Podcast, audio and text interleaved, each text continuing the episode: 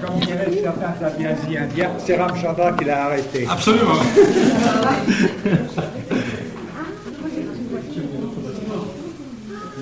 Bon, alors vous avez dit que je parlerai un petit peu en attendant le repas.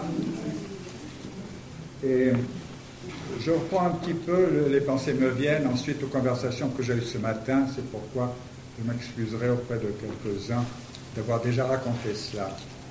Euh, mais j'étais pris par le sujet éternel qui nous intéresse, cette recherche de la spiritualité. Et je pourrais dire que tout l'enseignement du Bouddha euh, est parti d'une façon très simple, très logique, très matérielle.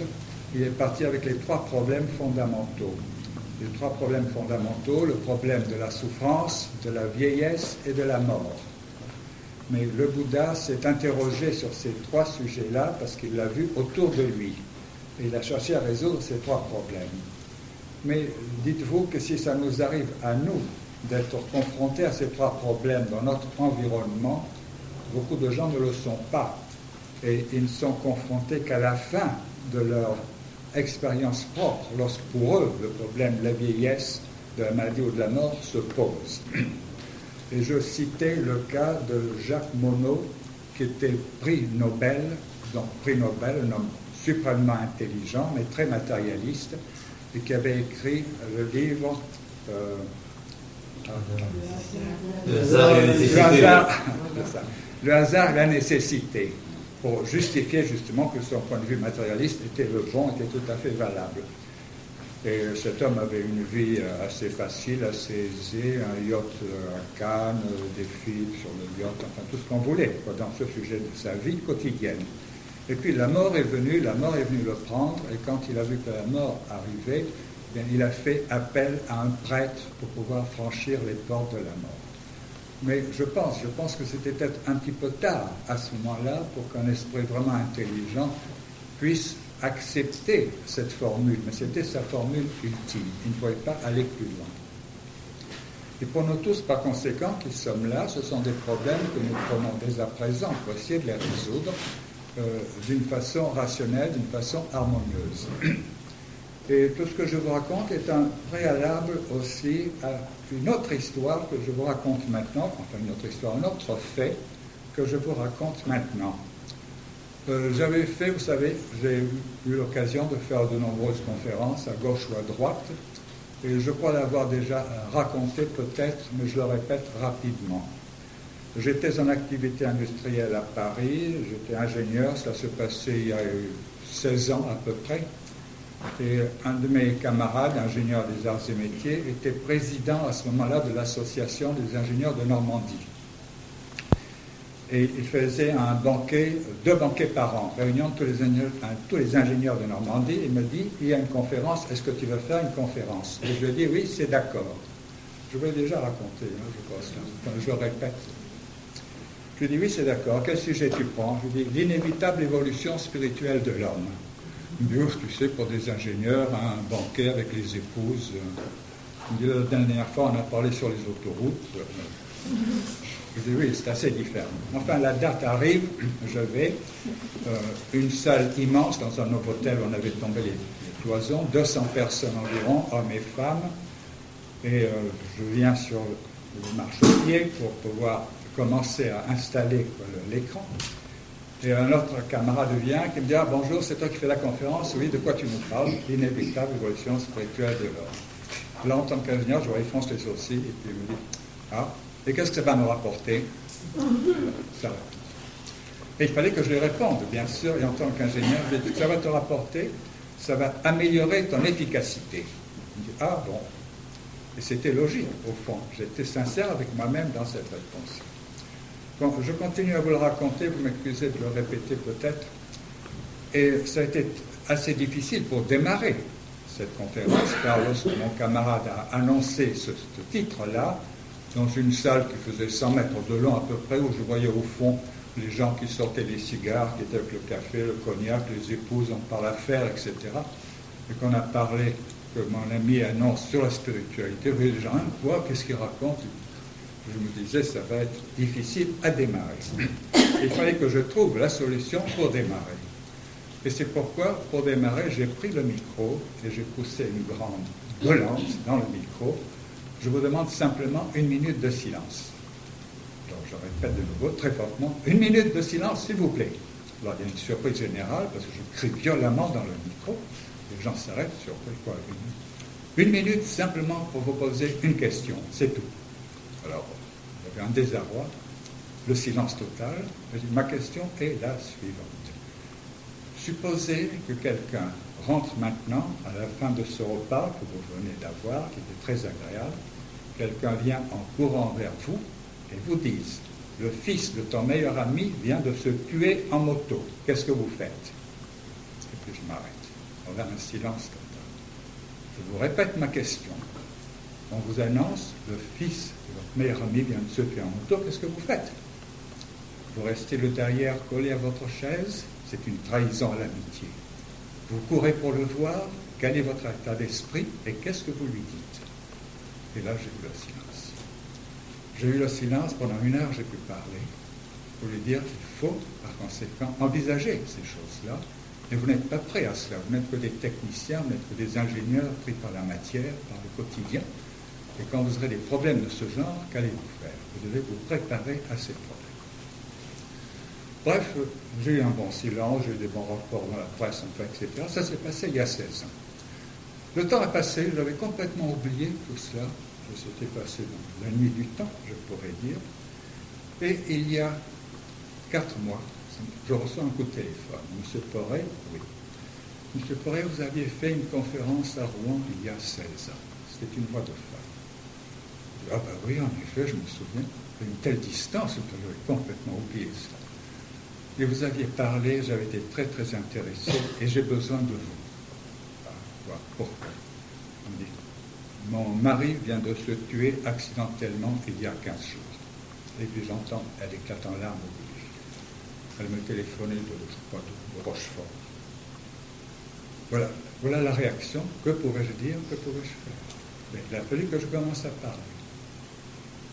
Je lui ai parlé, elle m'a retéléphoné huit jours après, elle m'a retéléphoné encore, je dis bon, téléphonez-moi quand vous. Elle m'a écrit. Euh, trois mois ont passé à peu près comme cela, avec ces échanges.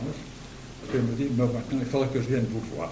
Je lui de des Charentes, vous n'allez pas venir ici, si, si, si, je viens vous voir. Elle est venue me voir il y a 15 jours. Elle est venue me voir et j'essaie, bien sûr, de la replacer sur les rails, pour lui donner le sens de la vie. Mais je me disais en même temps, c'est dommage. Elle a entendu tout cela il y a 16 ans, ce n'est que maintenant qu'elle pense. Elle a 61 ans, son mari vient d'être, de, mourir. Comment va-t-elle résoudre ce problème? C'est très très difficile. Et alors, je lui ai raconté tout ce que j'ai pu. Elle est repartie. Je dis maintenant, un mois de silence entre vous et moi.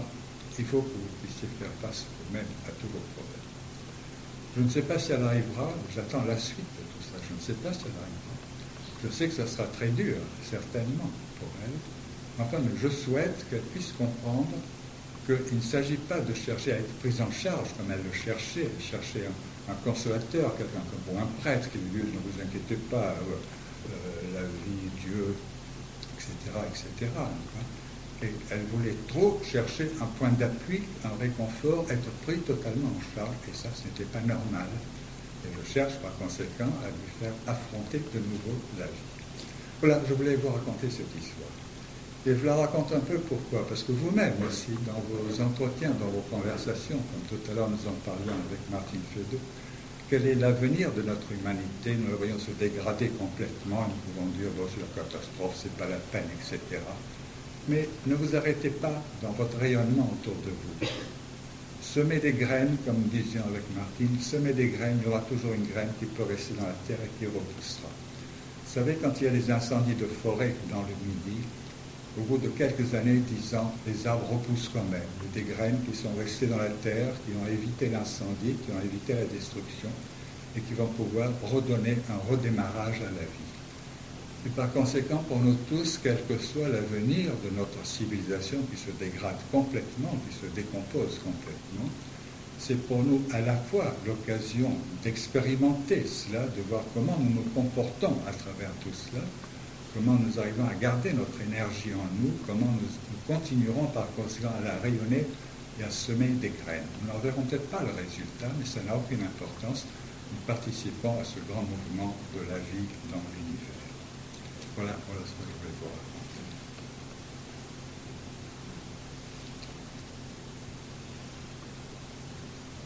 Continuez à parler. Oui,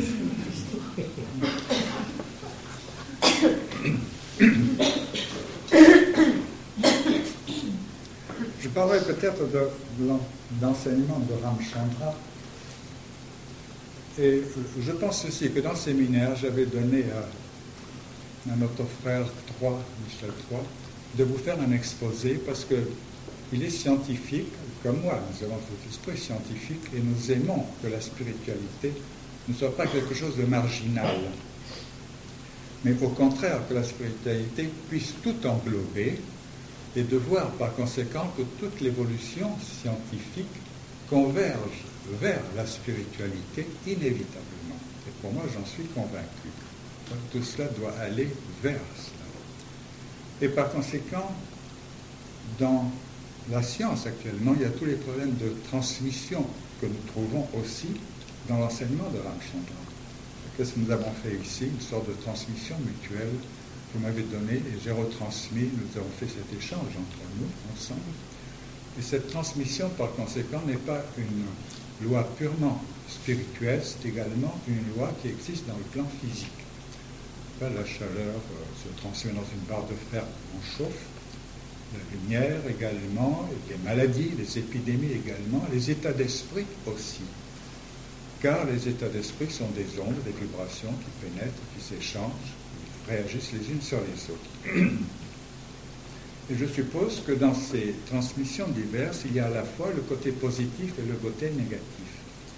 C'est-à-dire que euh, nous devons être conscients que nous pouvons avoir des portes ouvertes sur des vibrations négatives et qu'il faut avoir en nous la vigilance de ne pas les laisser entrer. C'est-à-dire d'avoir toujours une sorte d'enveloppe de protection qui se fait systématiquement, un peu comme le système d'alarme que nous avions là donné. Il faudrait que lorsqu'une pensée négative arrive, il y ait cette sirène d'alarme qui vient sonner en vous et vous faites arrêter les choses négatives. Et je vous raconte alors une petite histoire. C'était en Inde, une histoire indienne, c'était un, un Maharaja qui avait un fils qui était un petit peu bête, pas très intelligent. Il avait peut-être une vingtaine d'années, je ne sais pas. Et le Maharaja était désespéré de voir la bêtise de son fils. Et comme il connaissait un sage qui vivait dans un petit village assez loin, un, un yogi réputé pour sa sagesse, il a envoyé son fils auprès de ce yogi avec un messager, bien sûr, et lui avait mis un petit mot, euh, toi qui es rempli de sagesse, euh, j'espère que mon fils, auprès de toi, arrivera à acquérir un peu de sagesse. Et le gars répond, bon, c'est d'accord, je le garde.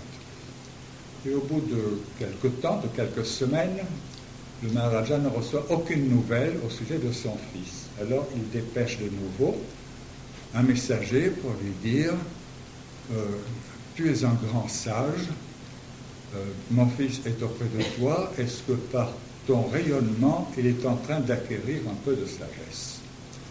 Et en retour, il reçoit le message suivant, la réponse, ton fils est un âne et à son contact, je suis en train de le devenir.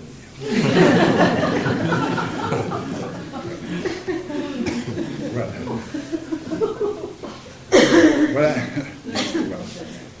Ce qui veut dire que nous devons avoir une certaine prudence dans ce domaine aussi. Il ne s'agit pas d'aller à l'extrême et de se bloquer, dire moi, moi, moi, je suis le seul, plein de sagesse, etc. Non, pas du tout, mais de rester prudent et de se protéger de ces forces, de ces pensées plus ou moins négatives. Je vous ai raconté, je crois, qu'avec Sharman, nous avions été voir à Allahabad, un guérisseur, le docteur Kapoor, je vous en ai parlé déjà, c'était un hypnotiseur fantastique, un hypnotiseur un rayonnement, le, le, visage, la barbe noire, les cheveux, les yeux, des étincelles dans ses yeux.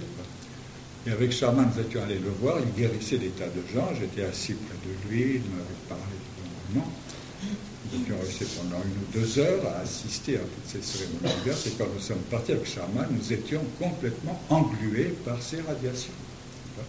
On n'avait pas cherché ni d'une façon positive ou négative, mais on était complètement englués avec Sharma de dire oui, ça va pas, non, ça va pas. C'est Kapoor, oui, c'est Kapoor. On était comme enveloppés de goudron, véritablement car cet homme, je pense, avait une énergie qui pouvait être aussi bien positive que négative, c'est-à-dire qu'il aurait pu faire aussi bien du bien que du mal. C'était de l'énergie pure, sans, sans Nous avons beaucoup de mal. Et c'est là que j'ai appris, par conséquent, à me protéger de toutes ces radiations diverses, que j'ai réfléchi un peu à ce problème, et que je me suis dit, il est nécessaire de comprendre que le monde entier est régi par les énergies électromagnétiques, et que nous sommes perméables à tout cela. Vous êtes traversés par toutes les ondes de radio en ce moment, nous tous, par des tas d'ondes diverses. Et il faut pouvoir s'écarter, il faut pouvoir limiter euh, la pénétration de tout ce qui peut être négatif, de tout ce qui peut être destructeur pour nous. Et de ce fait, c'est un état d'esprit qu'il faut avoir. Et je reviendrai sans doute, si j'en ai l'occasion, sur l'importance de l'état d'esprit. L'état d'esprit qu'il faut avoir en soi qui est comme une source d'énergie, une source vibratoire, qui fait que nous décidons de neutraliser tout ce qui pourrait nous être négatif. C'est assez difficile, ça ne fonctionne pas toujours, mais je pourrais dire que, si je parle personnellement, je pourrais dire que je n'y arrive pas toujours, mais il y a une sorte d'enveloppe vibratoire qui me met en état d'alerte. Je sens que les vibrations peuvent être négatives. Elles le sont déjà, mais je perçois qu'elles sont peut-être négatives.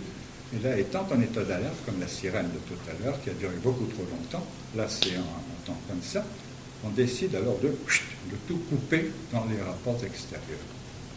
Alors c'est un état d'esprit qu'il faut acquérir.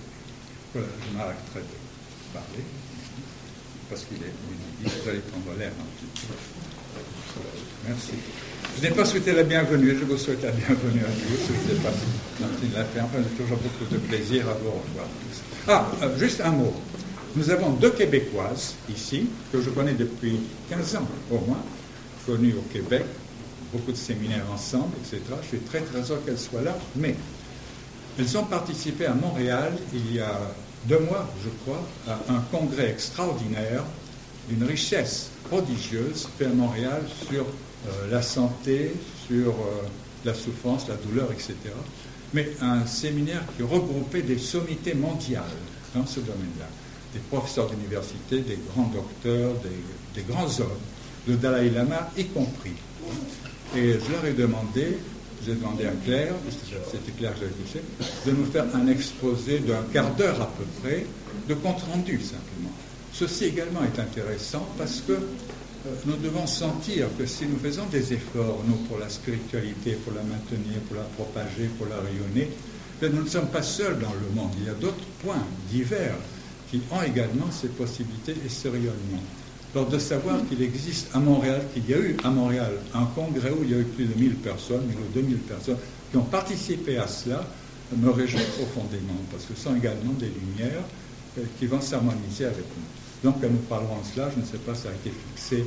Martine nous a demain dit. Matin. Demain matin. Demain matin. Voilà, demain matin, nous en parlerons. Avec leur délicieux accent québécois. Merci.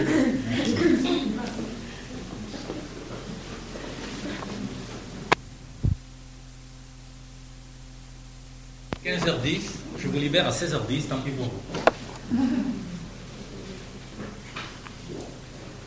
Savez, ceux qui écoutent souvent André, André, lui, commence ses histoires au Big Bang. Moi, je ne suis pas si malin, mais comme je suis à la mode, je vais commencer au diplodocus. Et comme j'aime pas les diplodocus, je vais commencer quand ils ont disparu. Quand ils ont disparu, est apparue une espèce nouvelle. Cette espèce nouvelle, je ne sais pas pourquoi il apparaît des espèces nouvelles, mais il en apparaît souvent dans les grands changements mondiaux, dans les, grands changements du globe, ou alors des, changements biologiques extrêmement particuliers, espèces qui existent déjà. Et alors euh, là, l'homme a existé. L'homme a existé. Je ne suis pas le grand spécialiste de ça, je ne sais pas. Je sais pas très bien vous expliquer pourquoi l'homme a existé, mais il a existé. Et par rapport au cadre humain à qui il ressemblait à cette époque-là, euh, il avait quelque chose de plus. Il avait un cerveau un petit peu plus gros. Dans ce cerveau, Enfin, il avait un crâne un petit peu plus gros, et dans ce crâne, il y avait un cerveau, et ce cerveau, il y avait 50 grammes de plus que les autres. Et si on a réussi à faire tout ce qu'on a fait jusqu'à aujourd'hui, c'est au départ grâce à ces 50 grammes. Ça pèse pas lourd, mais ça fait quand même pas mal de choses. Et alors, avec ça, l'homme au départ ne savait pas faire grand-chose. Il, il avait déjà pas mal d'acquis. C'est-à-dire que tous les, euh, tout ce que faisaient les, espèces qui étaient précédentes, ils savaient déjà euh, se déplacer, ils savaient déjà voir. Il y en avait qui avaient deux yeux, donc ils savaient avoir déjà une vue binoculaire, euh, un certain nombre de choses comme ça. Donc il avait des caractéristiques qui lui permettaient déjà de faire quelque chose. Mais parmi toutes les espèces qui arrivent, et il en arrive donc dans des époques comme celle-là, la plupart sont vouées à l'échec, parce qu'elles ne réussissent pas à survivre elles ne sont pas viables, hein, parce qu'il euh, y, a des tas de circonstances qui font que ça ne marche pas. Et puis, parmi toutes ces espèces, il y en a une, deux, trois, quelquefois, euh, beaucoup plus, qui réussissent à persister, et l'homme a persisté. L'homme a persisté parce que, justement, ces fameux grammes de plus lui ont permis. Euh, d'optimiser l'utilisation des sens qu'il avait. C'est-à-dire de, bien se servir de ses mains, de bien se servir de ses pieds, de bien se servir à la fois de sa vue, de son ouïe et de toutes ces choses-là. Et alors il a, réussi, dans un milieu qui était évidemment très, hostile, à euh, persister.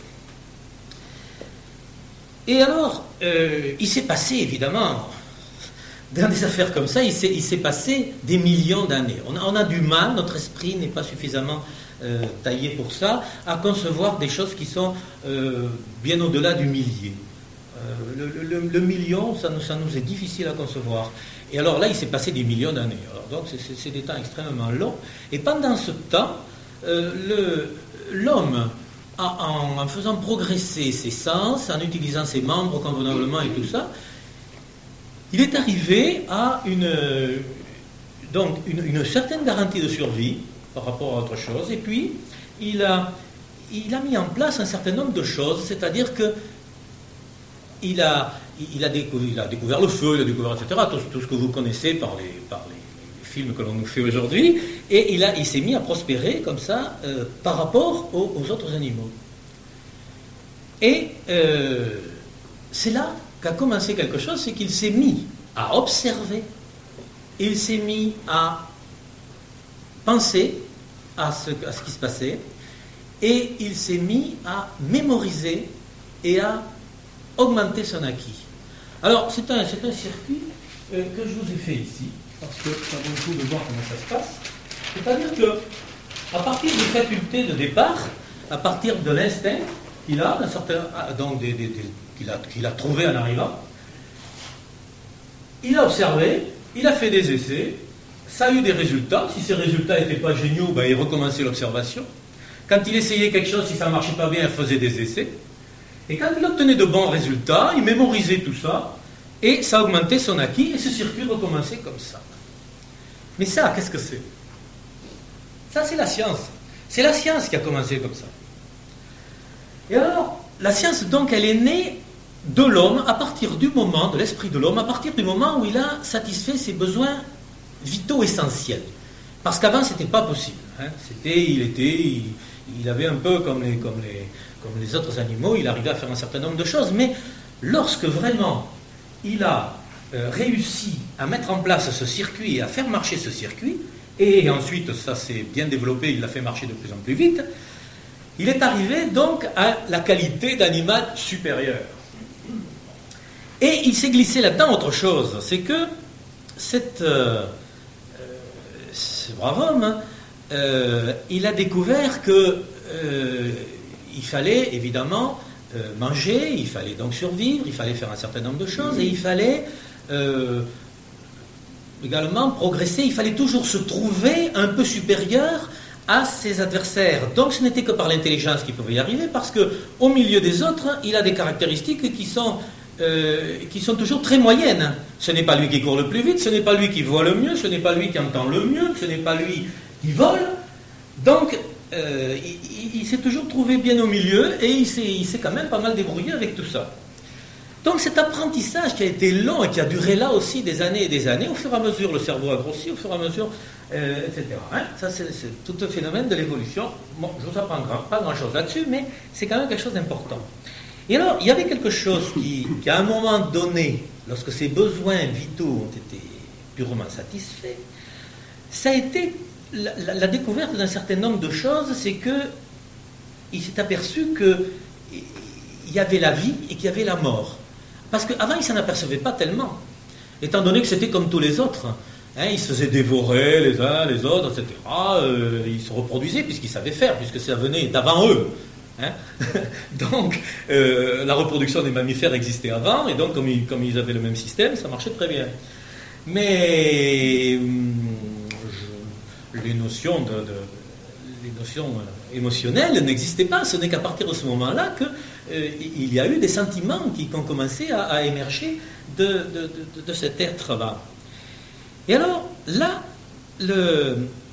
on se rend compte que lorsque cette science est née, non seulement elle, contenait donc des acquis qui lui étaient. Enfin, elle cherchait à augmenter des acquis qui lui étaient nécessaires pour obtenir une vie extrêmement intéressante, mais également pour obtenir un bonheur supérieur, c'est-à-dire aller un peu mieux, aller au-delà et à se poser des questions. Alors, bon, euh, c'est là que l'intelligence a commencé à se superposer à l'instinct. Et il y a des choses qui n'étaient pas non plus étrangères à cette, à cette science, c'était la philosophie, au sens large, et cette philosophie contenait en elle-même la spiritualité. Pourquoi? Parce que, à un moment donné, les gens, enfin, les, hommes en question se sont aperçus donc qu'ils s'aimaient, qu'ils aimaient des choses qu'ils aimaient des gens, qu'ils s'aimaient entre eux, etc. Et un certain nombre de, choses sont venues comme ça, et ça les a, ça les a poussés à essayer de comprendre un peu ce qui se passait. Or, là, c'était difficile de faire marcher ce circuit. Mais ils ont quand même essayé. Il y avait toujours le goût de comprendre les choses, le goût de savoir. Ça a continué comme ça pendant des siècles et des siècles. Et alors, quand il y avait quelque chose qui était au-delà de ce qu'ils pouvaient comprendre par ce petit raisonnement-là, par ce petit circuit de raisonnement, eh bien, il disait, ça, c'est une force inconnue. Donc, comme il donnait des noms à toutes les choses, il l'a appelé Dieu, il l'a appelé autrement, etc. Mais chaque fois, il y avait euh, la, chose qu'il ne pouvait pas comprendre, qui lui était tellement supérieure, c'était un Dieu. C'était un Dieu. Alors, ce Dieu, ce Dieu, au départ, euh, il y en avait un pour chaque chose qui, évidemment, euh, le touchait. Ça, c'est effectivement une, une, chose qui. Enfin, ça, il avait à la fois la peur du Dieu et il avait à la fois, euh, il aimait aussi certains dieux. Ceux qui lui faisaient du bien, il les aimait, les autres, il les craignait. Et alors, il a essayé un petit peu de, se mettre bien avec eux, et c'est là qu'a commencé la, vraiment la déification. C'est-à-dire que ces forces inconnues sont devenues effectivement des choses à révérer, à honorer, à faire plaisir. Il fallait les traiter un peu comme des humains, parce qu'ils ne connaissaient pas autre chose que ça. Par conséquent, il a essayé d'avoir avec eux des rapports et donc euh, de, de, se mettre bien avec eux. Ça a été le début des croyances, ça a été le début des choses comme ça. Et euh, à ce moment-là, il n'y avait pas de problème philosophique. La philosophie et la croyance, c'était la même chose. Hein. c'était, ce qui dépassait le, les, purs besoins, euh, c'était ce qui commençait à être un peu moins perceptible. Alors, euh, là-dessus, la science, elle, pendant ce temps, elle a fait son chemin.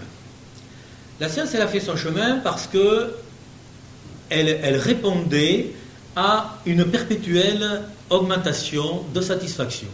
Et là, il y a tout un phénomène qui se passe, c'est que, au début, les besoins devaient être satisfaits. Chaque fois qu'un besoin était satisfait, il ouvrait la porte à de nouveaux besoins qui étaient moins nécessaires mais qui le devenaient, c'était des envies qui, au fur et à mesure qu'ils rentraient dans ce circuit, devenaient des besoins. Et c'est comme ça qu'il a voulu habiter dans des conditions meilleures, qu'il a voulu euh, se déplacer plus vite, qu'il a voulu faire des choses comme ça. Ça dure jusqu'à aujourd'hui. c'est un phénomène qui continue. Et puis, il y a eu également dans la science un autre phénomène, c'est que, au début, le, le, scientifique, ça n'existait pas les scientifiques, mais il y avait un sage, puisqu'il était à la fois philosophe, euh, spiritualiste, si vous voulez, euh, philosophe, et, euh, et, scientifique. Donc il avait une vue des choses extrêmement, extrêmement sage, on venait le consulter, on venait le voir, etc. Quand il y en avait un au milieu d'un clan qui se dressait, lui, il, avait, il avait un peu mieux compris un certain nombre de choses, en tout cas, il savait mieux l'expliquer. Alors, il servait de conseil, etc. Puis, euh, il y avait euh, une façon de le, de, le, présenter, etc. C'est comme ça que euh, toutes, ces, toutes ces croyances se sont transformées progressivement en religion. Alors, pendant ce temps, la science, elle, a continué et elle est devenue de plus en plus rigoureuse. C'est-à-dire qu'il y avait au début des tas d'observations qui restaient sans résultat. Et puis au fur et à mesure, tout, cet effort, euh, l'homme a essayé de le, définir, de bien le clarifier, de bien dire, mais enfin, mais c'est comme ça que ça se passe, et il faut que je raisonne comme ça pour arriver à un résultat. Et ça a donné naissance au raisonnement scientifique. Alors le raisonnement scientifique, ça part d'observation, etc. Hein, c'est un peu comme ça. Mais euh, il y a différents moyens de parvenir à un certain nombre de choses. En particulier, euh, quand on observe les, choses, on dit, bon, ben, si ça, si ça correspond, hein, si les choses se font euh, de la même manière dans un cas, de la même manière dans un autre, c'est que s'il y a une loi qui régit le, premier système, le second doit avoir la même loi. Hein. Ça, c'était système facile. La, correspondance euh, pure et simple. Ou alors la différence complète. La différence complète. Euh, prenons le raisonnement qu'a tenu Pasteur, par exemple, avec des, quand il a voulu déterminer si un air était porteur de germes ou pas, etc. Il a fait des essais avec. Et puis quand il a envoyé de l'air où il n'y avait pas de germes, il ne se passait rien. Et quand il a envoyé de l'air avec des germes, il y avait évidemment prolifération. Donc euh, là, c'était par différence que ça se passait. Puis il y a eu des, il y a eu des systèmes euh, de, raisonnement qui tenaient compte, par exemple, de, ce qui ne marchait pas. Euh, c'est très bien. il y a un exemple qui est absolument merveilleux, c'est celui de, Le Verrier. Je ne sais pas si vous connaissez ça. Euh, c'est un astronome, début du siècle, je pense. Et cet astronome faisait, des, comme tous les bons astronomes, de bons calculs, c'était un bon mathématicien, il savait très bien calculer toutes ces affaires, et il calculait le mouvement des planètes, etc. Il était sûr de lui. Et alors, euh, ce qu'il a, a trouvé, évidemment, il y avait quelque chose qui, il y quelque chose qui gênait là-dedans dans ces calculs. Ces calculs étaient justes et les étoiles ne se trouvaient pas au point où elles devaient se trouver. Et réciproquement, s'il prenait le point où elles devaient se trouver, euh, les équations, il y avait quelque chose qui ne collait pas. Et alors, tout, aurait bien fonctionné s'il y avait eu une étoile au bon endroit. Donc, s'il avait tenu compte d'une autre étoile à un autre endroit, eh bien, le, les équations auraient été justes.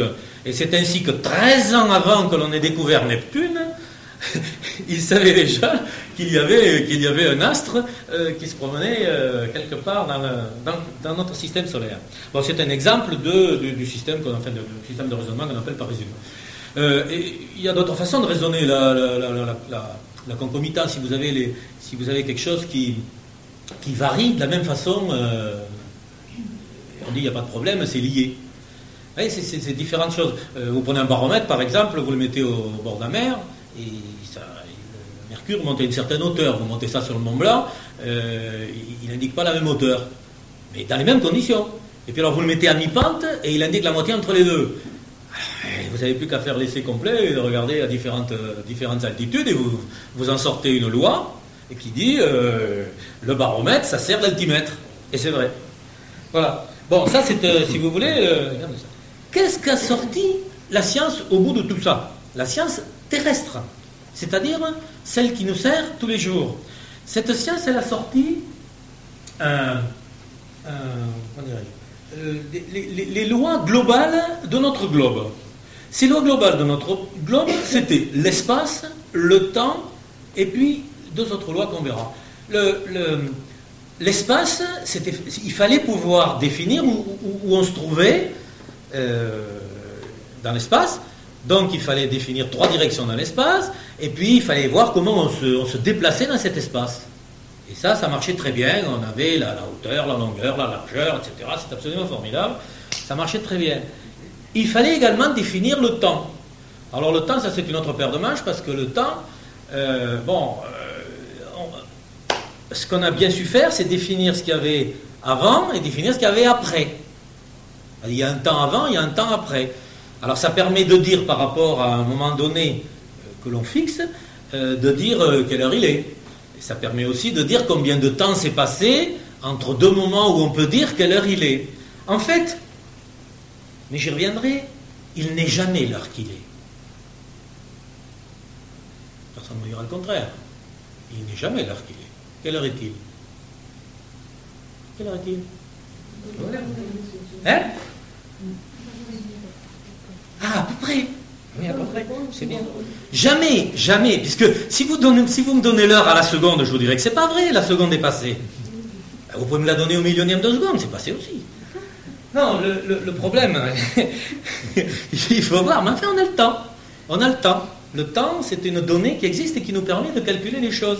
Donc, nous avons deux choses essentielles qui nous permettent, dans notre globe, je dis bien, dans notre environnement, dont on a besoin pour faire nos petits calculs, nos petites affaires, faire marcher nos machines, euh, faire fonctionner nos petites autos, il nous faut l'espace à trois dimensions et le temps. Ah, ça, c'est très bien. On a trouvé, quand même, par la science, deux lois, et deux lois absolument essentielles, qui sont la causalité. La causalité, c'est, ça, c'est, scientifique, c'est immuable, n'est-ce pas? Si j'ai telle et telle condition ici, ça va produire tel et tel résultat là. Si je refais rigoureusement les mêmes conditions, je retrouverai rigoureusement les mêmes résultats. Ça, de cause à effet, la causalité.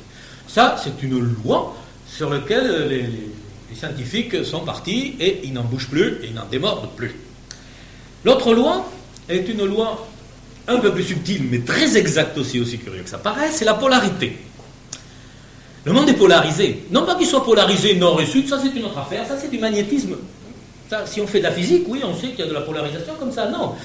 La polarisation de notre monde, c'est ce qu'on pourrait appeler l'égalité des chances. Dans tout ce qui se passe, dans tout ce qui existe, il y a autant de chances d'avoir quelque chose qui fonctionne dans un sens que quelque chose qui fonctionne dans l'autre, globalement. Hein, globalement.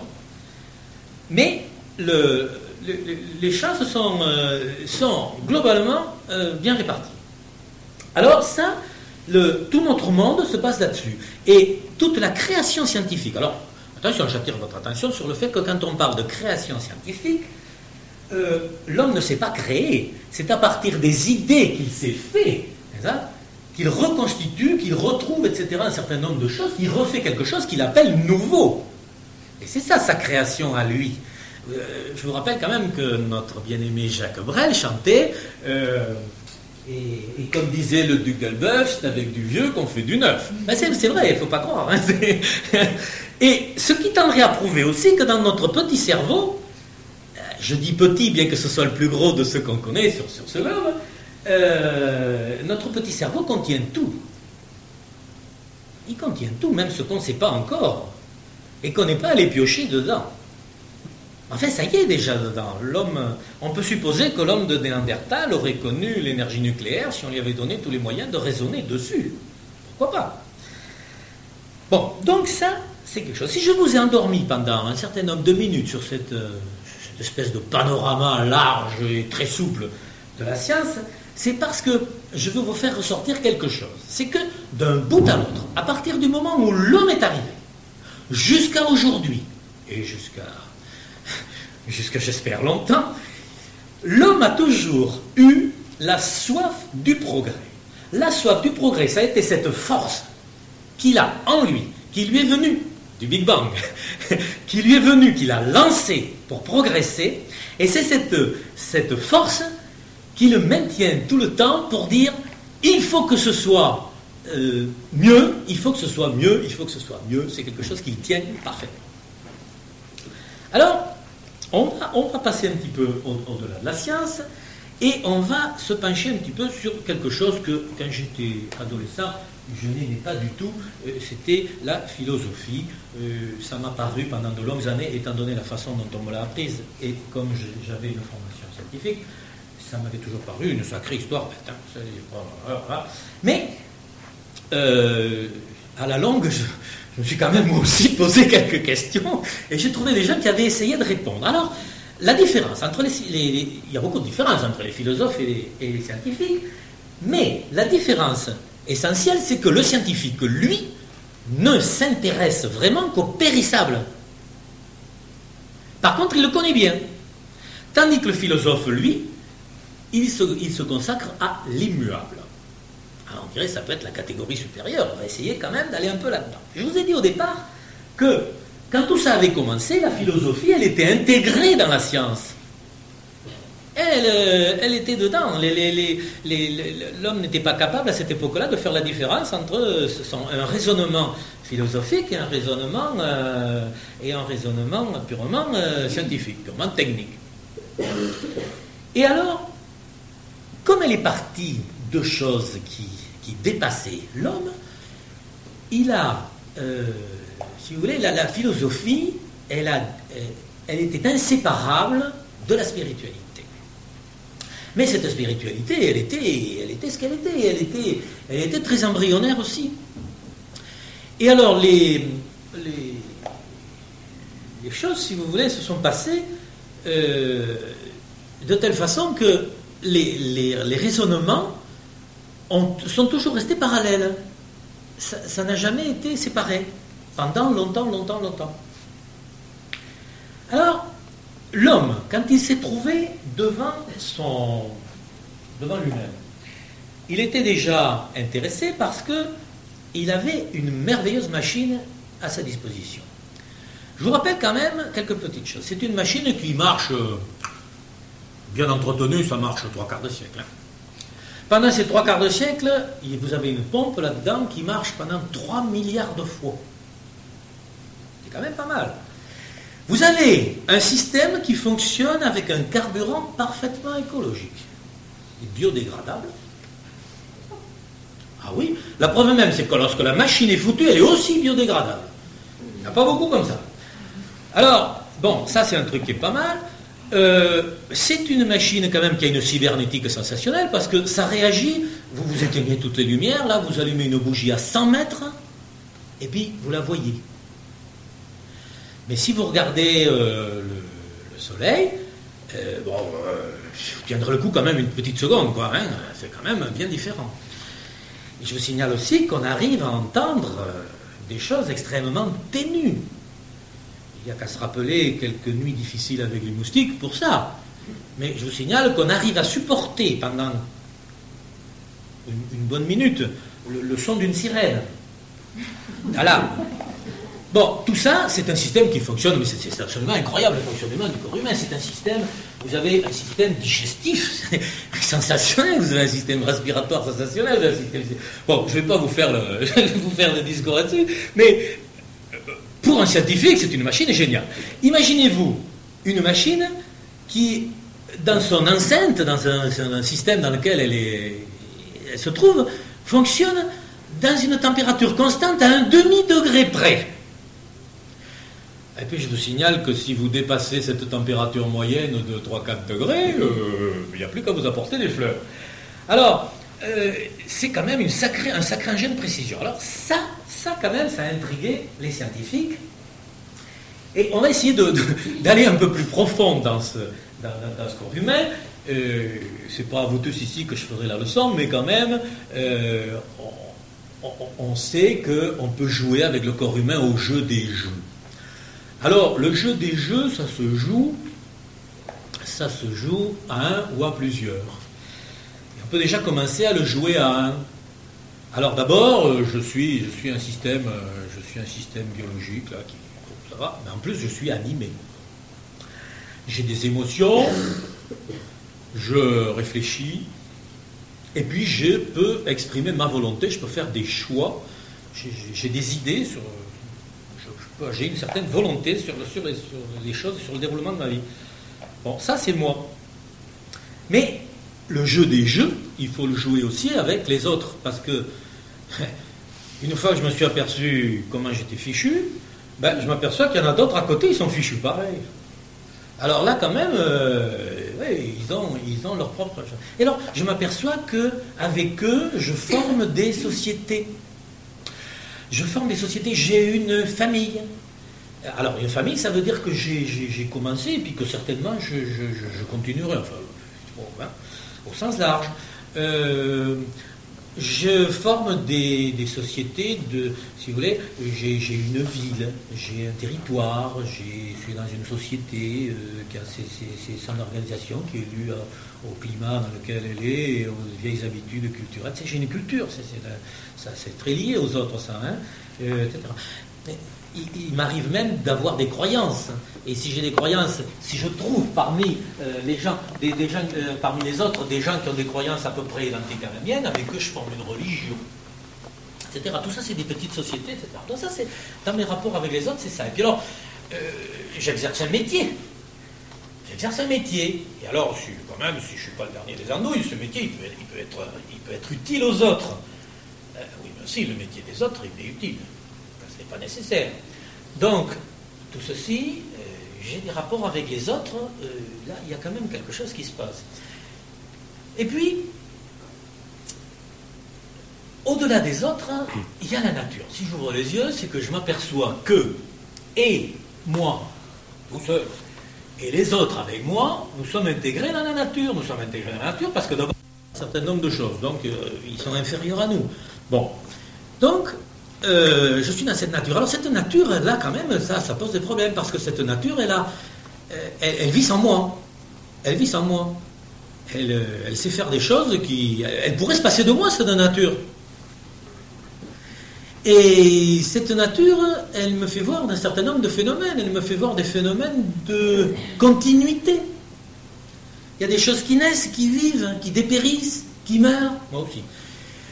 elle, elle, est, très bien organisée, elle sait s'équilibrer lentement, etc. Elle a le temps, la nature, pas moi. Euh, la, nature, c'est, je crois que c'est l'exemple de l'organisation qui ne, euh, sera jamais atteinte par toute autre chose. C'est l'organisation portée à la perfection, même si on voit des choses qui, sont, qui nous semblent négatives. Je vous rappelle qu'une loi de notre globe, une des lois, c'est la polarité. Il y a autant de choses mauvaises dans la nature qu'il y en a de bonnes. Il y en a, il y en a qui bouffent les autres. Et il y en a qui guérissent les autres. tout ça, ça marche. Les uns se nourrissent, bon, c'est un bon truc, les autres se tuent, les autres, etc. Tout ça, ça se débrouille très bien. Il y a des champignons délicieux, mais il y en a qui vaut mieux regarder de loin. Tout ça, c'est cette polarité existe, et ça, c'est présent dans la nature, et ça, je le vois. Alors, bon, je ne continuerai pas sur la nature, on peut, je peux m'amuser comme ça pendant longtemps, mais au-delà de la nature, j'ai un grand plus, c'est le cosmos. Alors, le cosmos, ça c'est quelque chose, je suis un terrien. Je suis un terrien. Alors, c'est marrant parce que je tiens debout sur cette terre, il est en train de tourner, je tiens debout. Il y a des lois terribles, ça, dans le cosmos, absolument formidable. Et alors, donc, je tiens debout, je tourne avec. Non seulement je tourne avec, mais en plus je tourne, elle tourne autour d'un truc, je tourne avec, etc. Euh, ça, c'est absolument euh, remarquable. Et puis alors, il y a quelque chose quand même qui me paraît formidable, c'est que quand j'observe ce, euh, ce cosmos, j'y trouve des systèmes et des lois que je retrouve lorsque j'examine les choses les plus petites. Alors, je me dis, c'est quand même quelque chose. Ce qui est en haut, ce qui est en bas, ça fonctionne pareil. Il y a quand même quelque chose qui est assez curieux là-dedans. Ce sont les soufis qui disent le, le cosmos est un grand homme et l'homme un petit cosmos. Je trouve que c'est une excellente sagesse de, raison. Voilà. Et alors, donc, si vous voulez, lorsque le, j'en reviens à l'homme, n'est-ce pas, qui, lui, a examiné à travers la science un certain nombre de choses, lorsqu'il s'est trouvé devant tous ces jeux, il a fait des observations. Alors les observations, il sait les traiter par la science. Mais lorsqu'il a fait des constatations sur lesquelles le système scientifique n'a pas pu s'appliquer, lorsqu'il a fait ces constatations, là, la philosophie est vraiment venue à son secours. Et alors, la philosophie, tout de suite, donc, elle elle, elle, s'est pas orientée comme il faut. La philosophie, au départ, c'était, c'était la religion. Une religion, ça commence, je vous ai dit tout à l'heure, par au milieu d'une tribu, d'un clan, d'un groupe, d'un pays, etc. Il se trouve un, euh, euh, un homme qui est plus intéressé par les problèmes, plus, euh, plus apte comme ça, et c'est le prêtre. Alors c'est le prêtre sorcier, etc. En fait, tout ce qui, peut être amalgamé à cette notion-là, c'est une notion extrêmement large. Et alors, c'est lui qui est consulté, c'est lui qui décide du lieu où on va honorer euh, ces forces inconnues. C'est lui qui va définir de quelle manière, c'est lui qui va avoir des objets de culte, c'est lui qui va, euh, qui va décider des époques, etc. Il va, il va créer, autrement dit, une religion avec un certain nombre de principes euh, bien définis. Il va créer des dogmes. Et alors on va retrouver tout ce qui s'est passé. Je vous ai fait un petit dessin pour qu'on voit un petit peu comment se passe comment se sont passées ces choses. Au départ, il y avait les forces inconnues. Et donc je vous ai dit que les premiers hommes avaient. Vous y voyez un peu au fond là-bas? Enfin, je vous dirai. Hein, donc, euh, il y avait donc des êtres supérieurs qui étaient divinisés, puisqu'on ne savait pas ce que c'était, mais on a fini par les diviniser. Il y avait les gentils, il y avait les, il etc. Il y, avait, euh, il y a eu la personnification lorsqu'on a voulu un peu correspondre avec eux. Et il y avait euh, d'autres systèmes dans lesquels ils vénéraient plus particulièrement la nature, mais ils n'avaient pas besoin d'un dieu pour se l'expliquer.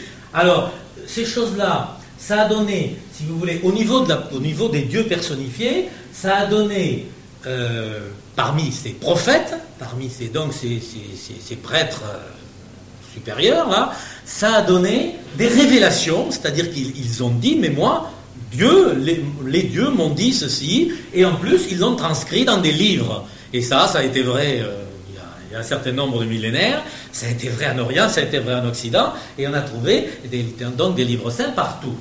Qu'est-ce qu'il faut pour faire une religion? Il faut quatre choses. Il faut avoir un principe surnaturel. Alors ce principe surnaturel, c'est Dieu, c'est le mana, c'est tout ce que vous voulez. Il faut avoir, ou rien du tout, pourquoi pas, la nature, euh, etc. Il faut avoir un prêtre, c'est-à-dire un officiant, quelqu'un qui, qui donnera naissance aux hiérarchies. Il faut un temple. Alors ça peut être une pierre de sacrifice, ça peut être euh, un Vatican, ça peut être euh, chose, hein, ça peut être tout ce qu'on veut, un temple.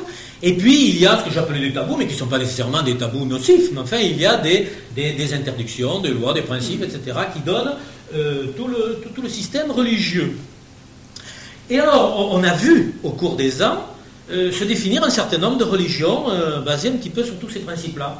Alors, ceux qui sont partis dans la nature sans Dieu, il y a eu par exemple les bouddhistes. Pour les bouddhistes, ce n'est pas un Dieu, c'est la nature qui fait son travail mécaniquement, qui marche très bien, et Dieu n'intervient pas dans, une opération comme ça.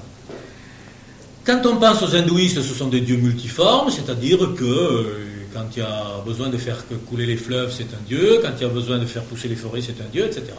Ce sont des manif... En fait, il y a une multitude de dieux, chez les, mais, mais, le principe divin euh, n'est pas si, si, si, compliqué que ça. Il est, il, c'est uniquement euh, des dieux multiformes.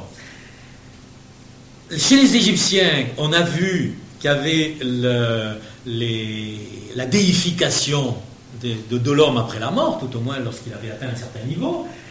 Et si, sur des choses qui sont plus proches de notre de notre civilisation, à nous, euh, il y a eu, donc dans le Proche-Orient, la notion du Dieu unique. Et ça, c'est quelque chose qui a duré. Si vous avez eu l'occasion de lire la Bible, c'est une, longue histoire, un long fil conducteur. C'est pas très génial de lire la Bible, mais on, trouve, on trouve sans arrêt cette lutte pour obtenir un Dieu unique. C'est assez émouvant quelquefois la façon dont euh, ce Dieu unique existe, euh, honoré, etc. et tout. Puis brutalement, euh, on voit le, peuple qu'il s'est choisi disparaître dans l'idolâtrie, alors qu'il n'y en a pas besoin, et puis revenir après des luttes énormes vers le Dieu unique que l'on trouve donc tout le long de ça. lorsque Saint Paul a, établi les religions chrétiennes, euh, ça s'est orienté très particulièrement sur la personnification de Dieu. Et là, les pères de l'Église également ont fait, ce qu'il fallait pour ça, pour avoir un Dieu personnalisé. Hein, il y avait la Trinité, etc. Et on, adresse, on a, un Père, on a un Fils, un, Saint-Esprit, etc. Ce sont des, c'est très, très défini comme ça. Et il a fallu, euh, sept siècles plus tard, euh, que euh, dans l'islam, on ait un Dieu sans image. Les, musulmans ne peuvent, ne peuvent exprimer de Dieu que le nom. Et quand dans le Coran, qui est un long recueil de, choses licites ou illicites pour aboutir aux fins dernières, il y a toute cette affaire d'interdiction de, de, s'adresser à Allah autrement que, enfin de, connaître Allah autrement que par son nom. Bon, et donc toutes ces... Alors, inutile de vous dire qu'après, euh, toutes ces histoires de, de religion ont abouti à des luttes intestines, d'influence, etc. Euh, que tout ça a connu des rituels, des symboles, des choses précises, des hiérarchies, etc., que chacun a donné son avis au voisin. Le résultat de tout ça ici, le résultat de tout ça, c'est que nous sommes tous, quand nous appartenons à une religion, nous sommes tous le païen de notre croyant. Donc euh, ça ne marche pas. Et là, la spiritualité, la spiritualité c'est totalement trompé de chemin. Elle n'est pas à sa place, elle n'est pas là. Si vous la cherchez là, vous ne la trouverez pas. Ou il faudra peut-être euh, pousser les choses d'une autre façon. Il faudra peut-être envisager les choses d'une autre façon. Alors, si on reprend maintenant ce qu'ont fait, euh, ce qu'ont fait d'autres philosophes en même temps que cette, histoire de religion c'est que déjà dans la Grèce antique, les, philosophes euh, c'était quand même pas que des gens qui se réunissaient, des pédérastes qui se réunissaient pour banqueter et discuter le coup. Euh, il y avait quand même des gens qui n'étaient pas si mal que ça là-dedans. On avait déjà connu euh, Socrate qui disait Gnotis et automne, connais-toi toi-même. Euh, Platon qui avait quand même pas mal étudié l'immortalité de l'âme. Aristote qui se posait des questions métaphysique, tout ça. Bon, donc, à partir de ce moment-là, il y a une différence bien précise entre la philosophie et la théologie. Hein, enfin, la théologie et puis tout ce qui, tout ce qui concernait, même si ce n'était pas de la théologie, tout ce qui concernait les, problèmes de croyance. Là, vraiment, ça a été de la philosophie, où on a cherché à expliquer un petit peu et à comprendre euh, comment euh, le, bonhomme arrivait à se, à se, débrouiller au milieu de son, de son globe. Et puis, euh, donc, vers la fin, vers le début de l'ère de notre ère, il y a eu la disparition des mythologies grecques, romaines, etc., jusqu'à ce qu'on arrive au temps moderne, où, là, vraiment, on a séparé la philosophie et la spiritualité. Parce qu'il est resté, il est resté dans les philosophies antiques, tout cet esprit mélangé de spiritualité. Donc je dis bien que la spiritualité n'était plus là. La spiritualité était encore ici. Et puis la spiritualité s'est séparée au niveau évidemment des philosophes modernes.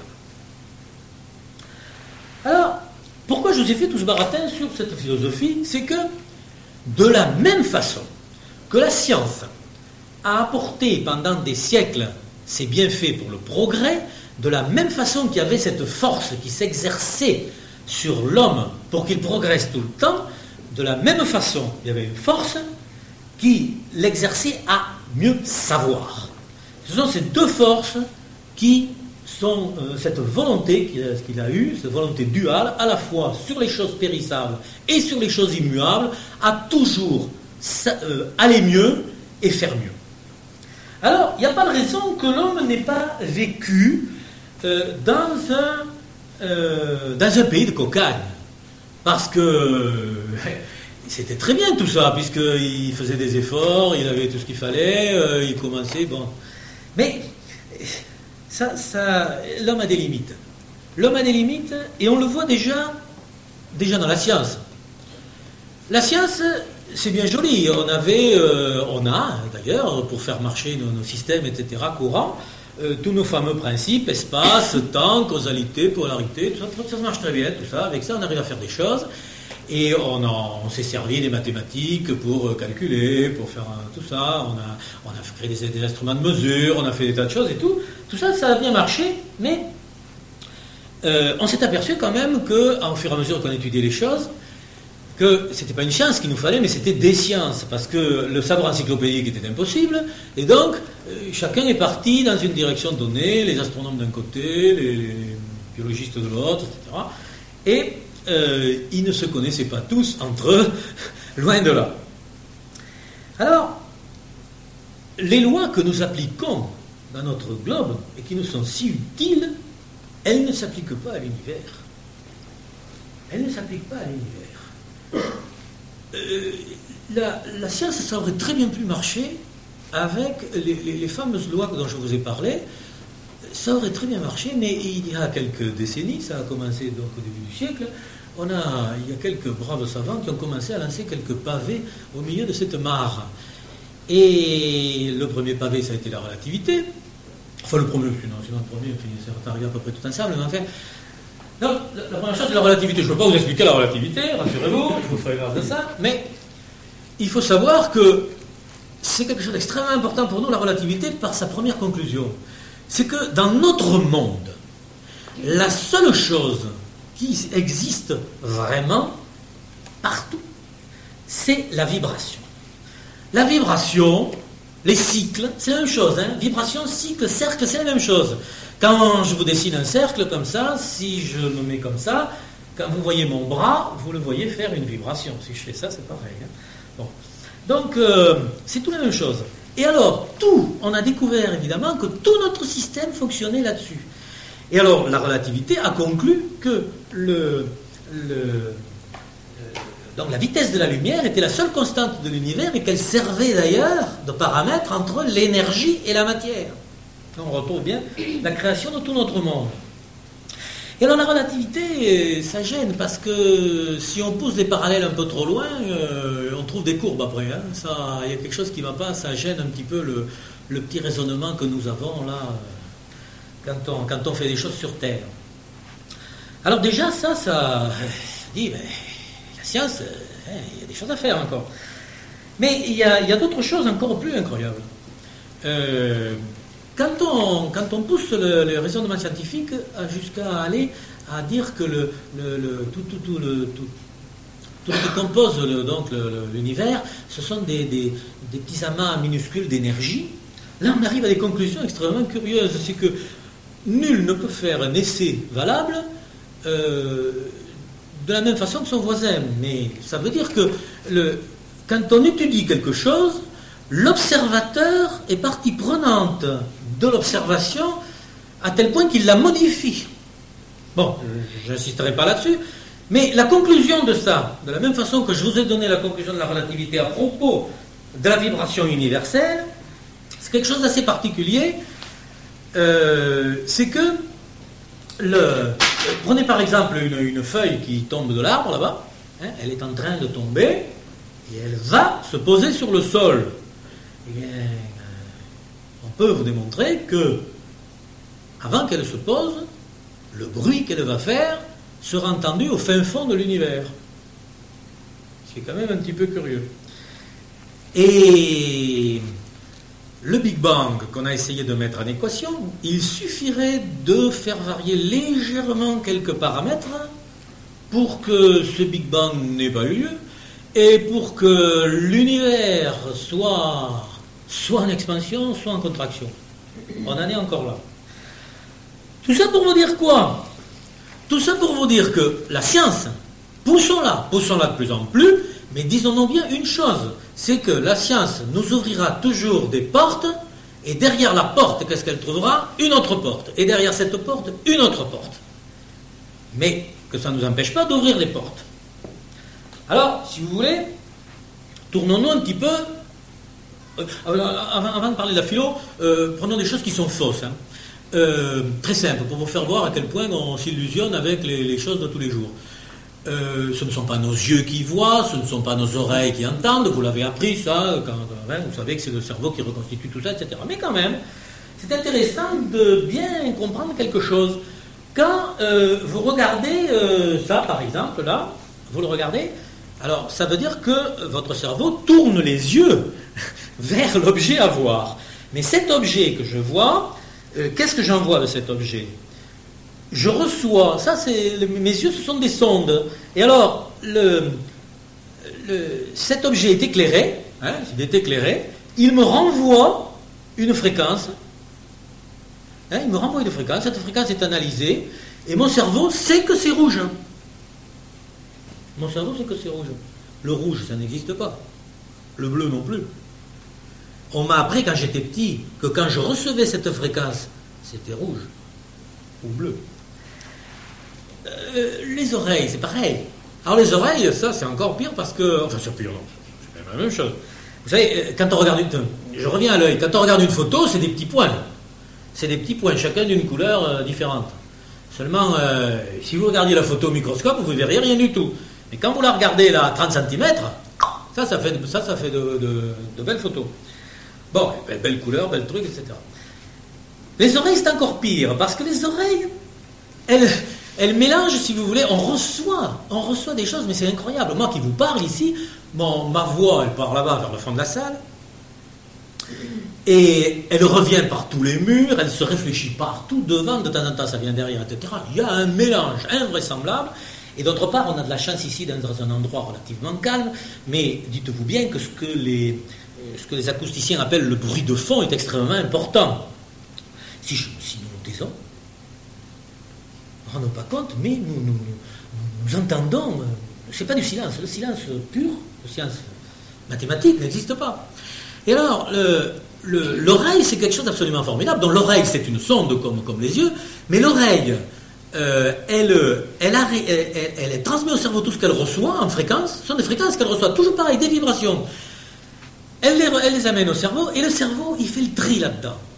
C'est-à-dire que vous êtes capable de reconnaître au milieu d'un brouhaha le cri d'un oiseau, le, euh, une, cantate de Bach, euh, le, dernier rocker à la mode, euh, n'importe quoi, le clapotis de l'eau, etc. Tout ça, bon.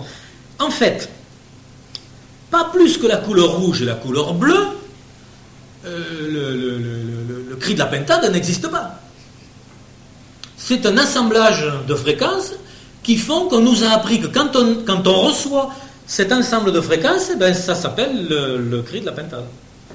Bon, donc tout ça pour vous dire qu'on a, on a nous-mêmes des tas on, marche dans un système où on, raisonne d'une certaine façon, euh, on raisonne faussement, enfin on raisonne sur des bases fausses, mais ça marche très très bien et ça nous permet de bien travailler avec ça. Ça, euh, ça marche. Bon, alors maintenant, j'aime bien la philosophie. Hein. Donc, les, limites de la science, c'est quelque chose d'absolument particulier. Les, limites de la philo, c'est tout à fait autre chose. Les limites de la philo, le, but des philosophes, ça a été de nous rendre heureux. Or, on ne peut pas nous rendre heureux. Ce n'est pas, pas le bon but. Parce que, qu'est-ce que ça veut dire? Ça veut dire qu'on a des besoins qu'on les transforme en envie. Et alors, on réussit ou on ne réussit pas.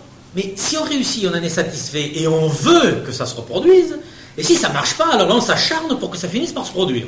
Et de toute façon, ça, ça ne marche pas du tout.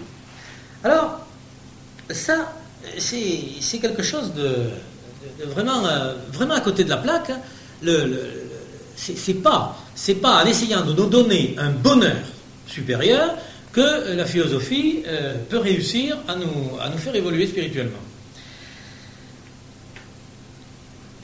Maintenant, je voudrais en venir à l'homme l'homme en tant que tel, là où il se trouve. Je vous ai dit qu'on raisonnait faussement, qu'on avait des tas de choses, etc., que les sciences dont on se servait étaient fausses, quand même, à un certain point, euh, etc. Il faut se mettre l'homme à sa place. Prenez-le dans le cosmos. Et prenons-le par exemple dans le temps. Euh, vous avez le merveilleux astrophysicien Hubert Reeves qui euh, dit que si on prenait depuis la création du monde jusqu'à aujourd'hui, et si on mettait ça dans une journée de 24 heures, alors nos amis les diplodocus auraient disparu depuis, je pense, une douzaine de minutes. Et nous, nous l'homme, nous existons depuis les deux dernières minutes avant minuit. Comme disait un copain, moi ça fait pas baiser. Et le plus beau, c'est que dans deux minutes après minuit, on n'existera plus non plus. Il y aura peut-être. La Terre, elle, elle continuera, probablement, probablement, à, faire son cycle et à, produire des espèces. Il y aura peut-être une espèce analogue à nous, ou peut-être une espèce euh, supérieure, euh, où, il n'y aura pas d'équivalent. Ça, c'est possible. Mais il n'y a pas que la place. L'homme, il faut quand même le remettre à sa place. Il ne faut pas oublier que pendant des siècles et des siècles, les religions ont fait tourner le monde autour de l'homme. Et que ce pauvre Galilée en a beaucoup souffert. Si, on prend la place de l'homme dans, l'espace, c'est le même problème. Déjà, c'est une pure merveille que les conditions écobiologiques dans lesquelles s'est trouvée l'espèce humaine, et puis ce qu'il a trouvé en lui et tout ça, aient permis donc cette, cette vie de l'homme. C'est déjà merveilleux que qu'il ait eu autour de lui un environnement lui permettant de vivre, avec les, animaux, les, végétaux, tout le reste, etc.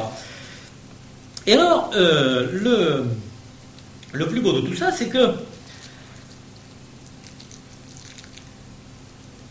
Oui, dans l'espace, là. Le. Si j'en suis. Le.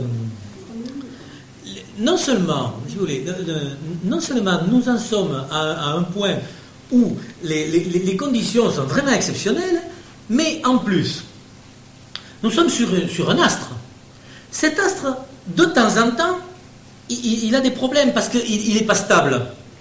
Donc quand il n'est pas stable, on passe d'époques géologiques euh, extrêmement chaudes, à des époques géologiques extrêmement froides, etc. Donc tout ça, c'est. C'est pas dit que dans une autre ère géologique, l'homme puisse exister avec tout son environnement tel que nous le connaissons. En plus, nous tournons autour du Soleil. Il ne faudrait pas grand-chose pour que la rotation de la Terre autour du Soleil soit légèrement déviée, pour que nous ne connaissions pas les températures d'aujourd'hui, etc., et que, euh, la Terre ressemble plus à la Lune qu'à autre chose. En plus, le Soleil, euh, il n'est pas. Vous savez, je ne sais pas si vous connaissez l'histoire des galaxies, mais enfin, le Soleil, il n'est pas. C'est pas lui le centre de sa galaxie. Il est déjà assez éloigné de son centre, etc. Et puis des galaxies, il y en a des quantités considérables. Tout ça pour vous dire que la probabilité qu'il y a de trouver dans le cosmos entier quelque chose d'équivalent euh, qui ait pu produire les, conditions voulues à, des cellules voisines des nôtres, c'est incommensurablement. Euh, donc l'homme, finalement, n'est que peu de choses. Il est peu de choses, mais tout ça, ça aurait bien pu quand même marcher. Ce qui n'a pas marché, c'est que en même temps qu'il avait ses forces, qu'il a mené à progresser et à savoir, en même temps, il recevait de chaque événement une marque sur lui-même qui fait que, qu'elle soit bonne ou mauvaise, cette marque reste et le perturbe. Et alors, c'est l'ego, c'est le, le, système qui fait que, par, par opposition à cette force qui reste vitale et pure, il y a tout cet encombrement qui se passe et dont on sent les effets particulièrement euh, en période de crise et tout ça, ça se sent chez les autres, mais euh, c'est chez nous en permanence. Les émotions, ça se transforme en émotivité, en sensiblerie, etc. Le mental, ça, c'est de la vraie bagarre des pensées, des choses comme ça. C'est vraiment un désordre fini. Et tout ça nous marque, tout ça nous fatigue, tout ça nous empêche d'être heureux. On arrive à des seuils, à des stress, etc. qui nous enterrent encore plus. Parce que nous, sommes en face d'une insatisfaction involontaire et permanente et de ce marquage régulier qui s'entasse, qui s'entasse, qui s'entasse sur notre être euh, profond. Euh, non seulement c'est un enfermement profond, mais il nous empêche de voir la réalité des choses. Vous savez, on ne pense pas convenablement on n'a pas sur les choses la juste vue, la juste appréciation des choses. Nous ne donnons pas le bon prix euh, aux choses dans notre comportement. Il y a quelque chose qui ne colle pas, euh, si, tout est faussé, euh, toute la mécanique fonctionne très mal. La preuve, c'est qu'on évite des sujets. on peut dire que 99% du genre humain se conduit comme s'il ne devait jamais mourir. Ça, ça facilite les choses. Évitons le sujet. La spiritualité, la, réalité, connaître les choses comme ça, ça, il vaut mieux éviter d'en parler. On en parlera, comme disait André, quand on aura le temps. Donc, nous, si vous voulez, on a, on a peut-être une autre idée sur la question on, a la chance d'avoir trouvé sur notre, sur notre route une méthode et des moyens. Je ne vais pas vous expliquer sagement. Ce que je voudrais faire, c'est vous essayer, de vous faire comprendre comment on peut expliquer le sagement à partir euh, d'un avis scientifique.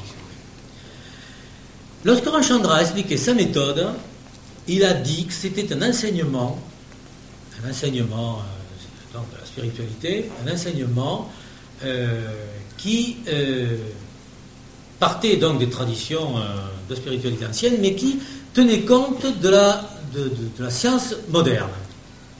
Donc, si s'il l'a dit, c'est qu'il avait dû y penser. Et toute la, toute la méthode du sagement consiste dans un chemin à parcourir puisque c'est même le nom de la, méthode en question. Il faut se méfier des mots, des mots indiens dont on ne sait pas toujours ce qu'ils veulent dire. Mais là, c'est effectivement un chemin, et un chemin simple et naturel à parcourir.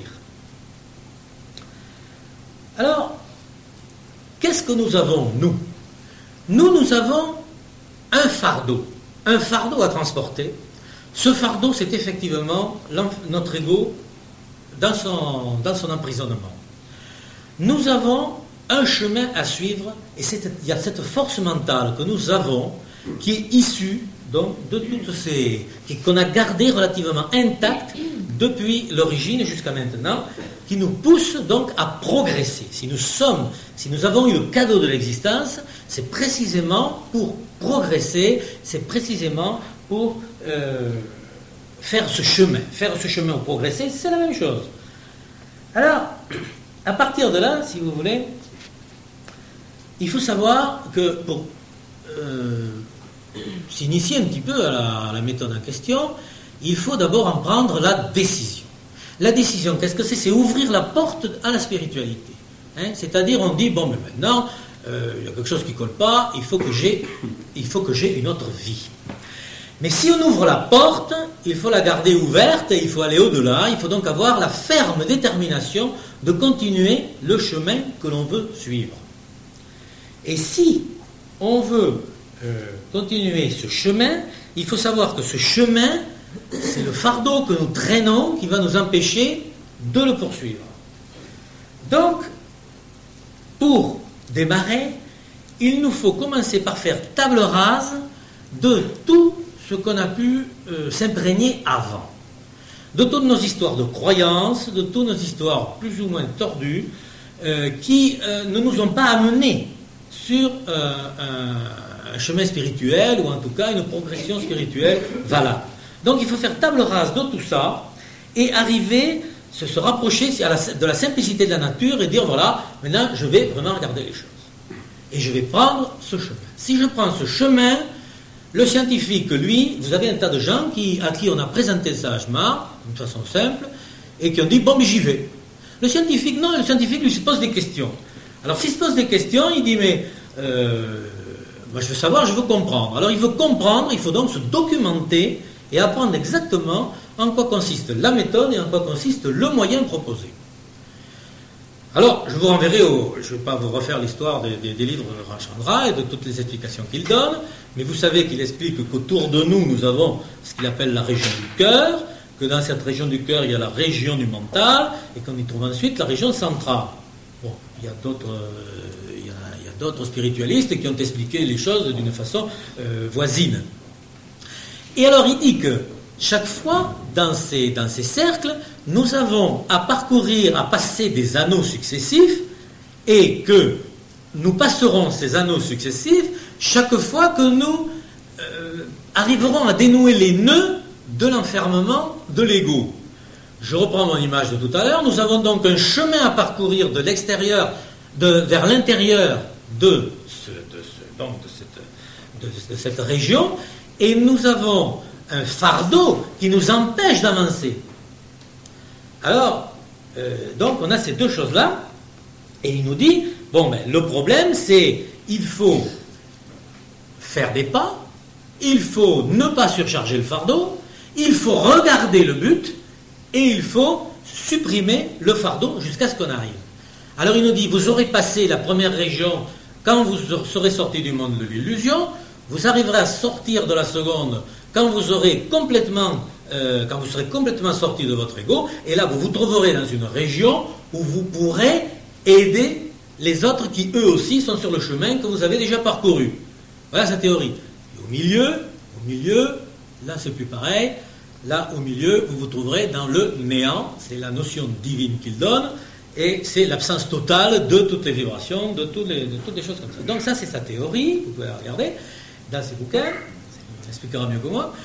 Mais en quoi un scientifique peut s'intéresser à cette théorie? Un scientifique s'intéresse à une théorie et peut la prendre en compte lorsque rien ne s'oppose à, ce qu'elle puisse exister. C'est-à-dire qu'il n'y a pas de démonstration qui puisse aller contre. Ça ne veut pas dire qu'il la, tienne pour absolue, mais cette, méthode est une méthode qui n'est pas, qu'on peut raisonner, qu'on peut expliquer. En effet, si vous regardez bien les choses, on trouve bien un chemin à faire, et ce chemin, c'est précisément de, d'aller donc à travers toute cette, toute région, toutes ces régions, d'arriver jusqu'au centre. Mais cette région en question, elle se trouve autour de nous, de, la tête aux pieds, enfin, elle nous enveloppe, disons. Donc, nous allons cheminer jusqu'à l'intérieur de nous-mêmes, et c'est là que nous devons trouver la réalité. Or, qu'est-ce qui nous empêche d'avancer? Le fardeau, c'est-à-dire tout toutes ces sensations, toutes ces. Enfin, pas les sensations en tant que telles, mais toutes les marques que font sur nous, les émotions, les sensations, etc. Tout ce qui nous gêne, c'est le désordre mental, c'est ces pensées qui se baladent et qui font n'importe quoi là-dedans. Et euh, tout ça, c'est, donc chaque fois que nous arrivons à calmer le, mental, nous faisons un pas de plus dans la direction du centre. Ramchandra, d'ailleurs, une façon euh, de définir les deux zones, il dit que euh, la région du cœur, c'est la région du calme, et la, région du mental, il dit que c'est la région d'oubli du calme. C'est quand même pas mal. Et alors, euh, disons que notre problème, c'est d'arriver jusqu'au centre de, notre, propre réalisation. Pour bien comprendre, alors bon, la, la, compréhension de la méthode par un scientifique ne paraît pas particulièrement difficile. Maintenant, regardons la pratique. Toujours difficile de dire, mais enfin, la pratique, oui, ça se fait, on nous a dit de faire comme ça, on fait comme ça. Oui, mais le scientifique, n'accepte pas qu'on lui dise de faire comme ça. Le scientifique, c'est pas comme, comme, comme dans les religions où euh, ce sont les autres qui nous apprennent à faire ce qu'il faut. Non, là, euh, et puis on le fait. Si on le fait pas, ça marche pas. Non, là, nous, on peut raisonner la pratique vraiment avec le, le même esprit. Et alors on dit ceci. Si euh, nous avons une pratique à faire, nous savons qu'il y a une pratique individuelle, cette pratique individuelle elle est quotidienne. Dans cette pratique quotidienne, nous avons trois choses. La méditation, la fameuse prière que j'appellerais plutôt la reconnaissance, le fameux cleaning que j'appellerais plutôt le nettoyage. Et je m'explique. Je ne peux pas vous expliquer la méditation, vous savez parfaitement ce que c'est, mais la méditation, ce qu'il faut voir, c'est que c'est effectivement faire un pas sur le chemin, chaque fois. Chaque fois, c'est avancer. Et alors là, l'avancement se fait parce qu'effectivement, chaque fois que nous, nous, entrons en méditation, chaque fois, nous allons avancer sur ce chemin, nous allons nous rapprocher du centre, nous allons aller dans le sens voulu. Ce sens, il nous sera donné par ce que j'appelle la reconnaissance. Je n'aime pas trop le mot prière parce que dans la, euh, dans la civilisation judéo-chrétienne, la prière, c'est faire une demande à un Dieu qui, est bien tenu de, vous répondre, de vous renvoyer la monnaie de la pièce si vous lui avez demandé quelque chose et si vous vous êtes bien comporté. Donc ça ne me plaît pas comme mot. En fait, c'est la traduction exacte du mot qui est employé par Chandra. Alors j'appelle plutôt ça la reconnaissance.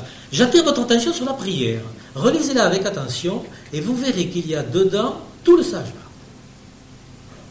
vous y trouvez le chemin, vous y trouvez le fardeau, vous y trouvez le guide, vous y trouvez la surcharge, vous y trouvez le but. Et la prière, c'est maintenir sa vision sur le but. C'est essentiel. C'est bien joli de marcher sur le chemin, mais il faut toujours marcher dans la même direction, et ça, c'est la reconnaissance qui vous permet de le faire. Le nettoyage quotidien, pour beaucoup, on n'y fait pas toujours très attention. C'est pourtant un moyen très simple et très sûr de supprimer la surcharge du fardeau. Parce que même quand nous sommes en spiritualité, quand nous avançons, eh bien, nous avons notre vie de tous les jours, nous avons les émotions de tous les jours, nous avons tous les événements qui arrivent, et chacun ajoute sa brindille sur le truc. Et ça en fait pas mal. Si nous supprimons tout ce qui est euh, influence des événements récents, et si nous le faisons quotidiennement, nous supprimons la surcharge. Ça ne supprime pas le fardeau, mais ça, ça supprime tout le, tout le supplément. Donc voilà pour ce qui est de la pratique quotidienne. Il y a une pratique qui n'est pas qui est, active. Il y a une pratique qui n'est pas euh, quotidienne, qui est la transmission. Euh, je vous ai dit que dans, les, dans, la théorie, dans la méthode donc, de Ramchandra, il y a les régions à parcourir, et lorsqu'on est arrivé au bout des deux régions et qu'on arrive dans la région centrale, cette région centrale qui est l'endroit où se trouve l'intelligence créatrice, pas l'intelligence créatrice de l'homme, l'intelligence créatrice divine, celle qui a fait tout ce que nous vivons et que nous ne comprenons pas. Je rappellerai que Maître Eckhart euh, a dit lui seul sait ce qu'il est. nous, on ne sait pas, mais on imagine. Alors, donc, il se passe là l'intelligence créatrice, et là, dans cette zone-là, les âmes qui s'y trouvent parce qu'il faut quand même être raisonnable, il paraît difficile que dans une vie terrestre, on puisse arriver à parcourir ce merveilleux chemin d'un bout à l'autre. Mais là, dans cette zone-là, les âmes qui s'y trouvent, ce sont des âmes qui sont réalisées, et elles, elles peuvent nous tendre la main pour euh, nous aider à progresser. Nous tendre la main, c'est une image là aussi, parce que ça ne se passe pas d'une façon physique, mais ça se passe à la façon dont les, Patanjali, euh, quatre siècles avant, avant notre ère, avait décrit dans, son, dans, les dernières étapes de son yoga, et euh, le yoga de la réalisation de soi, le Raja Yoga. Et alors, il a le, donc dans ces, dernières étapes, je suis. Oui, je, je mets donc la transmission. Le, le, le, système est le suivant, c'est que le, il, ça, demande, ça demande, si vous voulez, euh, la correspondance entre le, donc la personne qui se trouve euh, dans la, qui, essaie d'avancer dans la région du cœur quelque part, et puis euh, le, guide qui lui se trouve dans la région centrale. Alors, il y a un intermédiaire qui est là, qu'on appelle le précepteur, et qui permet, lui, enfin, qui joue le rôle de diffuseur-concentrateur. C'est un grand mot, si vous voulez, mais en fait, c'est une mécanique qui existe en électronique, c'est pour ça que je vous le dis. Euh, donc, son rôle, si vous voulez, c'est de pouvoir euh, capter dans sa propre région du cœur euh, l'énergie de la source qui se trouve dans la région centrale et de pouvoir la diffuser précisément sur la région du cœur de celui qui le lui a demandé. Il y a des choses qui sont importantes, c'est que la, la, demande de celui qui, qui veut avoir, qui veut qui est, dans le destinataire de la, transmission, celui-là, il faut qu'il veuille et il faut qu'il se mette en état de réceptivité. Il faut qu'il se trouve, autrement dit, sur la bonne longueur d'onde des vibrations qu'il va recevoir. D'autre part, bon, l'intermédiaire lui servira uniquement de canal de transmission à tout ça, et la source, il suffira de lui demander pour qu'elle émette. Voilà comment se passe donc de façon plus passive et de la euh, la transmission. Alors, il reste en plus une pratique qui n'est pas une pratique euh, particulière, individuelle, mais qui est une pratique collective. Je voudrais quand même attirer votre attention sur le fait que nous avons quand même une sacrée chance. On, a un peu partout des groupes qui sont informels et on fait ce qu'on appelle des méditations de groupe. Et on a rarement parlé de ces méditations de groupe. Moi, je voudrais en dire un mot parce que euh, déjà, mathématiquement, c'est quelque chose d'intéressant, le groupe. Si on regarde ici où nous sommes, disons, je sais pas, une cinquantaine d'amis, par exemple, nous avons chacun une relation d'amitié de l'un à l'autre. En fait, si vous comptez le nombre de relations d'amitié qu'il y a ici, je ne rentrerai pas dans la formule pour ceux que ça n'intéresse pas, mais enfin, euh, disons que euh, c'est le, carré moins le, nombre sur deux, enfin bon, euh, ça donne des nombres assez grands, c'est-à-dire que pour, disons, je sais pas moi, une, une, cinquantaine de personnes, ça peut arriver à 5000, à 5000 relations d'amitié, c'est absolument incroyable. Or, ce que nous faisons dans les médiations de groupe, c'est que nous sommes tous en train de cheminer dans la région du cœur, mais notre région du cœur, elle est incluse dans une région du cœur globale, dans laquelle nous avons chacun notre position et dans laquelle nous avançons tous dans la même direction. Je trouve que c'est quand même quelque chose de formidable et je pense que l'impression que nous avons souvent au sortir d'une méditation de groupe est extrêmement intéressante.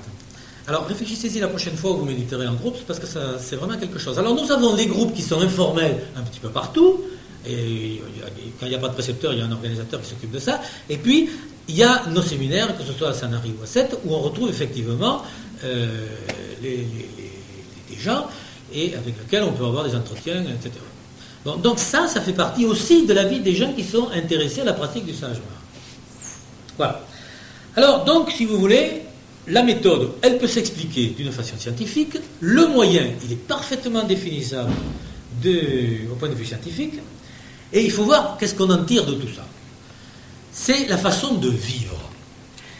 il y a une chose dont je n'ai pas parlé dans la méthode en question, c'est le souvenir constant. Pourquoi? Parce que lorsque vous pratiquez d'une façon convaincue et fidèle, vous avez un juste retour des choses qui est le souvenir constant. Il n'y a pas de pratique particulière pour gagner le souvenir constant. Ça ne se mérite pas. La notion de mérite qui existe dans les religions n'existe pas dans la spiritualité. Le souvenir constant, qu'est-ce que c'est si on essaie de l'analyser un peu scientifiquement? C'est l'engrenage qui existe entre la source et nous. Cet engrenage nous entraîne, ce qui fait que nous vivons de telle façon que les choses s'améliorent pour nous, pour les autres, nos relations avec les hommes, nos relations avec la nature, nos relations avec, tout l'univers entier. Nous en faisons réellement partie. Et nous avons tout cet engrenage qui marche. Et cet engrenage, je dis bien qu'il n'est pas fait que pour nous, non seulement nous, c'est-à-dire soi-même, mais non plus ceux qui font partie d'un groupe ou qui connaissent par exemple le sage mais également pour la multitude. Et cet engrenage, nous avons donc la chance de l'avoir, nous devons vivre d'une certaine façon